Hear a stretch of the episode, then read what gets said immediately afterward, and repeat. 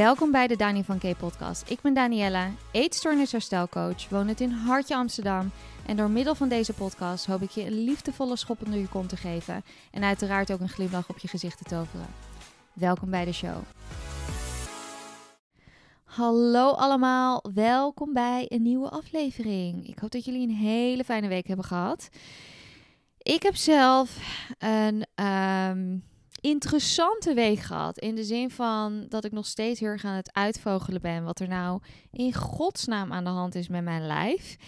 Ehm, ja, het is gewoon heel, heel irritant om niet te weten wat er nou precies aan, ja, ten grondslag ligt van mijn migraines. Mochten jullie het hebben gemist, ik heb heel erg veel last van hoofdpijn, migraines. Ik heb vandaag dan toevallig ook als een kerst op de taart weer een oogpijnaanval gekregen. Waardoor ik dus ook, daarom hou ik deze aflevering ook wat korter dan normaal.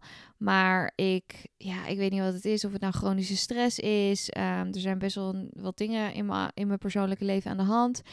Of het vermoeidheid is, Lyme, I don't fucking know. Het is gewoon heel vervelend. Maar goed, ja, we kunnen er verder niets van maken. Verder heb ik wel gisteren op een maandag of all days... heb ik een hele leuke avond gehad met vriendinnen. Lekker uit eten geweest. Het was grappig genoeg en hier gaan we het eigenlijk ook over hebben vandaag. Want desalniettemin, um, ondanks dat het een korte aflevering is, ga ik er proberen het beste van te maken. En de reden waarom ik eigenlijk het onderwerp van vandaag um, ga belichten, is omdat ik er gisteren weer. Ja, soms, soms leef je je eigen leven, dat ken je vast wel. Zeker als je wat verder ben, bent in herstel of überhaupt al hersteld bent. En je leeft je leven zoals je dat wilde leven. En je doet bepaalde dingen. En dan herinner je je in één keer aan. Of je wordt herinnerd aan bepaalde gedragingen die je vroeger deed. Of, of nou ja, in je hoofd had. Of gedachten of verzinnen maar. Nou, dat had ik dus gisteren ook. Ik was namelijk met uh, vriendinnen uit eten. Het was een, um, een zeg maar, een, ja, een, een, invitatie van een vriendin van mij. Die, haar zus staat in de keuken, dus die chef. En die um, mocht dus eigenlijk mensen uitnodigen om het nieuwe seizoensmenu te proeven. En dus, dus kregen friends en family kregen dus zeg maar korting nou ja, op een maandagavond gingen we het natuurlijk niet heel laat maken. Dus we gingen om daar om zeven uur zaten we aan tafel. Maar we kregen echt pas ons eten om, ik geloof iets van acht uur. Nou, lekker wijntje gedronken. Hartstikke gezellig. En ik had op de een of andere manier in mijn hoofd gehaald dat het een, een vijf gangen menu zou zijn. Ik heb waarschijnlijk de, het bericht niet helemaal goed gelezen. Het was dus uiteindelijk een drie gangen menu, wat natuurlijk prima is. Maar goed. Dus ik daar aan tafel. Ik gewoon uiteraard normaal gegeten die dag. Want ja, hè, dat, dat uh, saving up calories, dat doen we al lang niet meer. En ik zit er aan tafel en ik begin met een partijtje honger te krijgen. En ik denk, nou, dat eten mag wel komen. Het duurt allemaal lang. Ik begrijp het ook. Ze hadden, waren, zaten echt helemaal bommetje vol. Nou, het voorgerecht was een uh, een of andere... Ik had dan een burrata gekozen met een een of ander... Nou, wat was het? Een... Uh, een smoked iets. Het was allemaal heel fancy. Het is een heel fancy... Nou, niet eens zo fancy, maar het is een laten we zeggen, een, uh, een bijzonder mooi restaurant. Met heel veel mooie gerechten. Seizoensgerechten, al dat soort dingen. Uh, maar goed, het was het allemaal fantastisch lekker. Het hoofdgerecht had ik gekozen, want je kon dan elke uit drie gerechtjes kiezen. Ik had dan iets met vis, dat had, eigenlijk iedereen uh, besteld. Vis met um, iets van een selectie van groenten en een soort pureetje. to be honest, ik had geen idee wat het allemaal was. Ik eet, ik lust echt alles. Ik ben wat dat er gaat net een vuilnisbak. Dus je kan mij echt alles voorschotelen en ik eet het gewoon. Dan weet ik niet eens wat ik aan het eten ben. Maar dit was overduidelijk een visje met iets van groente. Nou, geen grap. Het was echt de de palm van mijn hand. Zo groot was die portie. En ik had volgens mij ook nog eens een keer het kleinste visje gekregen. En ik had echt zoiets van, god damn it, waarom krijg ik nou weer het kleinste visje? En ik moest gelijk denken aan vroeger, van niet gelijk trouwens, meer achteraf. Maar dat ik altijd vroeger dacht van... oh, ik hoop dat ik de kleinste portie krijg. Of uh, dat ik minder eet dan anderen. Want dat vergelijken zat er heel erg in. En ik had echt zoiets... Ik keek naar de tafelgenoten. Nou was die vis nou niet bepaald stukken groter of zo hoor. Maar wel misschien een paar centimeter. Nou, ik had binnen vijf happen dat visje op met die groenten en die... Volgens mij was iets zo'n klein beetje aardappelpuree of zo. Met een een of ander bijzonder sausje weer. Nou, en het toetje was een een of ander cupcake geval, fietsspel, appel, muffin dingetje. Ik nogmaals, er stond letterlijk appel or apple uh, cream cheese en bla bla. Ze hadden dan elke keer van elk gerecht drie, de, drie ingrediënten. Dus wat je echt krijgt, weet je dan niet. Maar nogmaals, ik ben een vuilnisbak, dus mij al, al zitten er hazelnoten in. Ik heb nergens heb geen allergie of wat dan ook. Dus nou, oké, dat ook opgegeten. En ik had echt zoiets van, jezus, is dit het? En toen dacht ik, oh ja, shit, dit is het. Want het was een drie gangen menu. Nou, ik vervolgens in de Uber terug naar huis, want het stormde echt gigantisch. Um, ik naar huis en ik dacht, ja, ik kan nu wel naar bed gaan, maar dan weet ik zeker dat ik midden in de nacht gewoon honger krijg. Want ik ben gewoon gewend aan een flinke portie avondeten.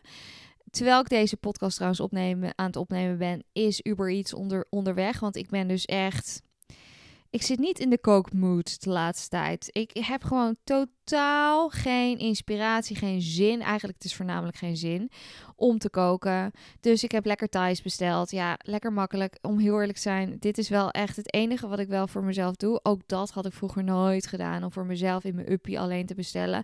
Want dat was allemaal zonde. En dan zagen anderen niet dat ik aan het eten was. En al dat soort dingen. Nogmaals, dit gaat allemaal... It, it's going to make sense als ik er verder over ga praten. Nou, jullie ziet, zien de titel van deze podcast al. Dus je weet al waar het over gaat. Maar... Um, ja, ik ging dus naar huis en ik had gewoon niet honger, maar ik zat absoluut niet vol.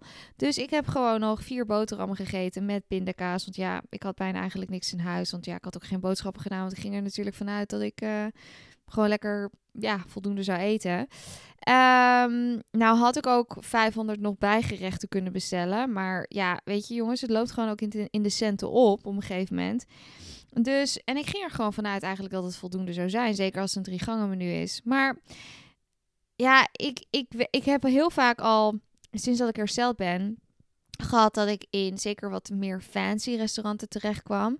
En dat ik dan een, een minuutje voorgeschoteld kreeg. En dat ik dan soms tegen mijn moeder zei van, nou, ik zit echt niet vol. En dat zij zei, oh, ik zit echt bommetje vol. En dat ik, dat ik echt dacht van, ben ik nou de enige gekke hier?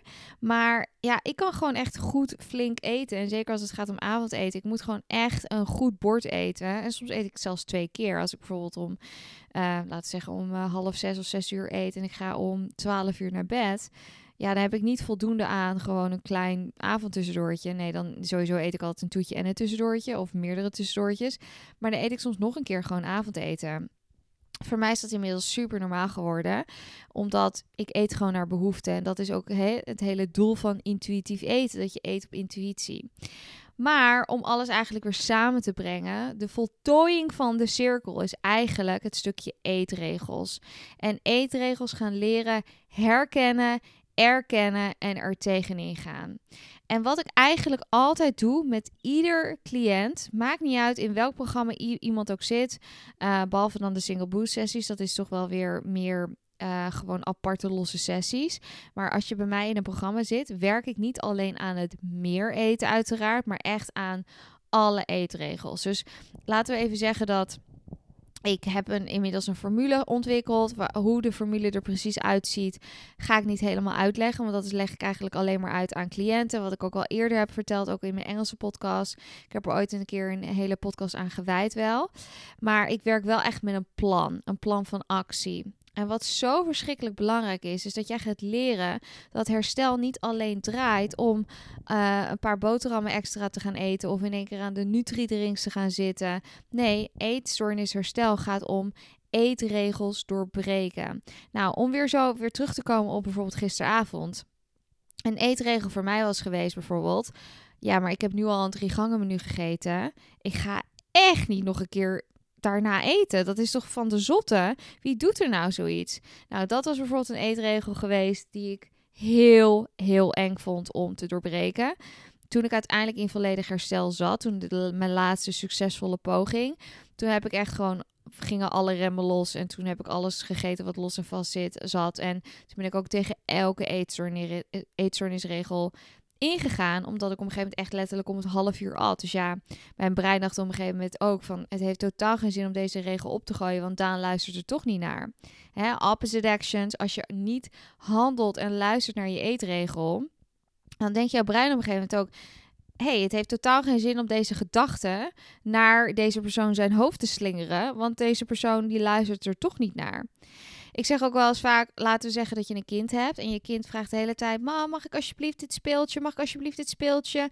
Omdat elke keer loop je langs een bepaalde speelgoedwinkel. Als jij elke keer weer toegeeft en jouw kind een speeltje geeft of, of speelgoed, dan blijft het ook jengelen om dat speelgoed. Maar als je op een gegeven moment je voet bij stuk houdt en zegt: Nee, luister, we gaan gewoon naar huis. Dat is gewoon één keer eenmalig en that's it.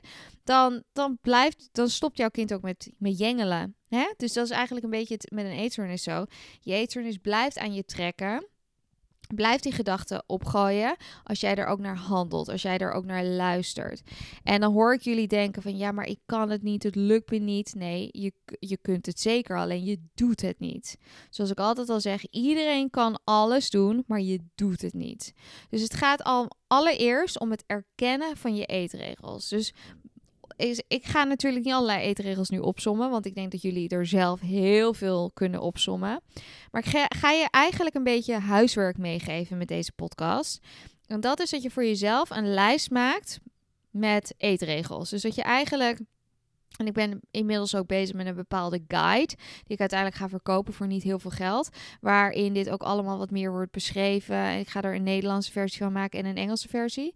Hij is bijna af, maar ik wil nog even de puntjes op de i zetten. En daar dit wordt, wat ik al zei, daar wordt dit ook in wordt, uh, wordt dit ook in wordt. Jezus, ik kan geen zin formuleren.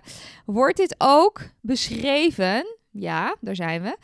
Um, maar het gaat erom dat je echt al je eetregels in kaart gaat brengen. En dat kan echt zijn van: ik vind het lastig om um, uit eten te gaan als ik bijvoorbeeld ook uit lunchen ben gegaan. Of ik vind het lastig om twee keer warm op een dag te eten. Of ik vind het lastig om uh, twee donuts op een dag te eten. Of ik vind het lastig om meer dan vier opscheplepels rijst te eten. Of ik vind het lastig om alleen voor mezelf te eten te bestellen. Nou, verzin het maar. Ik vind het lastig om onvoorwaardelijk te eten. Ik moet er altijd iets voor doen. Bijvoorbeeld te bewegen. Of ik moet productief zijn. Nou, echt vaak als je zo'n lijst maakt, dan is die eindeloos. En dat is het ding aan herstel. Kijk, als je bijvoorbeeld in een kliniek zit. En dat is natuurlijk heel begrijpelijk. Een therapeut of een klinische setting kan niet alle tijd um, nemen om per individu te gaan kijken van oké, welke regels heb je allemaal? En laten we daar stuk één voor één echt gewoon aan gaan werken. Laten we die echt proberen af te vinken zo snel mogelijk. Dat is dus wel wat ik doe met cliënten. Ik ben daarom, het is allemaal heel ja, op maat gemaakt, zo kan je dat eigenlijk wel zeggen. Ik vraag altijd ook om dit soort uh, huiswerk, omdat ik dan ook in kaart kan. Uh, we kunnen samen dan een beetje in kaart brengen wat er aan de hand is. En dan heb ik ook een indicatie van: oké, dit is er precies aan de hand. Want iemand kan wel een prachtig eetplan um, hebben, of laten we zeggen, een prachtige eetlijst met drie hoofdmaaltijden, uh, vier tussendoortjes en een toetje. Maar vervolgens heeft die persoon 500 miljoen eet, eetregels. En dat zie ik ook zo vaak voorbij komen. En dat wordt helaas heel vaak niet aangekaart bij heel veel instanties. En dat heb ik zelf namelijk ook meegemaakt. Dat ik echt heel vaak wegkwam met heel veel dingen. En dat is een soort van ja, ik, ik, het, het, gaf mijn eetstoornis natuurlijk ook een bepaalde kick. Want je eetstoornis die gedijt heel erg goed op ja, geheimhouding, om het maar zo te zeggen. Dus eetregels zijn misschien wel het allerbelangrijkste. Buiten het feit uiteraard dat je richting nutritional rehabilitation moet gaan. Dat je uit dat energietekort moet komen. Dat je je fear foods moet aangaan. Is het extreem belangrijk om ook de, ja, de eetregels aan te pakken die misschien voor jouw gevoel heel onschuldig lijken. Omdat heel veel mensen die dus nou ja, in de dieetcultuur leven of volgens de dieetcultuur leven dat ook doen. Maar bij die mensen over het algemeen, die kunnen gewoon stoppen. En bij jou niet, omdat jij dus die genetische predispositie hebt, oftewel die aanleg voor een eetstoornis. Dus geloof mij, die supposedly innocently um, gedragingen die jij de hele dag aan het, aan het doen bent, zijn niet onschuldig. Die zijn sterker nog heel heftig.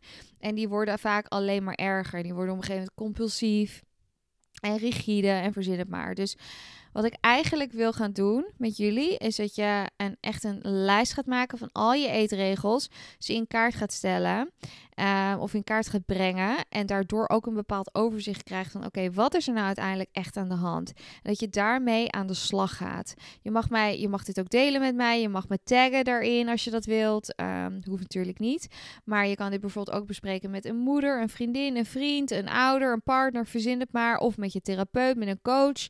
Um, want dit is echt zo verschrikkelijk belangrijk. Wat ik al zei, het gaat niet om alleen maar meer eten en aankomen. Was het maar zo makkelijk. Nee, een eetstoornis gaat om eetregels doorbreken. En over het algemeen zijn dat er zoveel. En om een, een handige tip is om door je eigenlijk door je dag heen te gaan. Dus door bijvoorbeeld met een notebookje, je kan het ook in je telefoon zetten. Het moment dat je opstaat, dat je dingen gaat noteren. Het kan bijvoorbeeld zijn, oké, ik laat mezelf uitslapen zodat ik minder voedsel binnenkrijg. Of verzinnen maar, ik ben mijn eten aan het uitstellen. Dat is al een eetregel. Nou, op het moment dat je eigenlijk opstaat totdat je naar bed gaat, dat je eigenlijk bijhoudt wat er op zo'n dag gebeurt. En dat kan je een paar dagen bijhouden. En dan heb ik het niet over dat je echt je eten bijhoudt zozeer, maar meer de gedragingen, gedachten, gevoelens, et cetera, et cetera. Dus, en dat zijn uiteindelijk, is een opsomming van de eetstoornisgedragingen, die je dus uh, in stand blijft houden. En die zijn extreem cruciaal om aan te pakken. Want zonder dat aan te pakken ga je gewoon niet herstellen. Dat is eigenlijk gewoon de moral of the story. Nou, dat was hem alweer. Uh, ik ga hem afronden hierbij. We zijn alweer over de 15 minuten heen. En uh, ja, ik hoop dat jullie hier volgende week weer zijn. En een hele fijne dag verder. Doei! Hey there my friend. Dankjewel voor het luisteren. Mocht je dit een fijne, herkenbare of leerzame aflevering vinden, vergeet dit dan niet te delen met een vriend, een vriendin, je moeder, je vader, je opa, je oma, je hond, je glazenwasser, maakt niet uit wie dan ook. En laat vooral een rating en een review achter. Tot de volgende!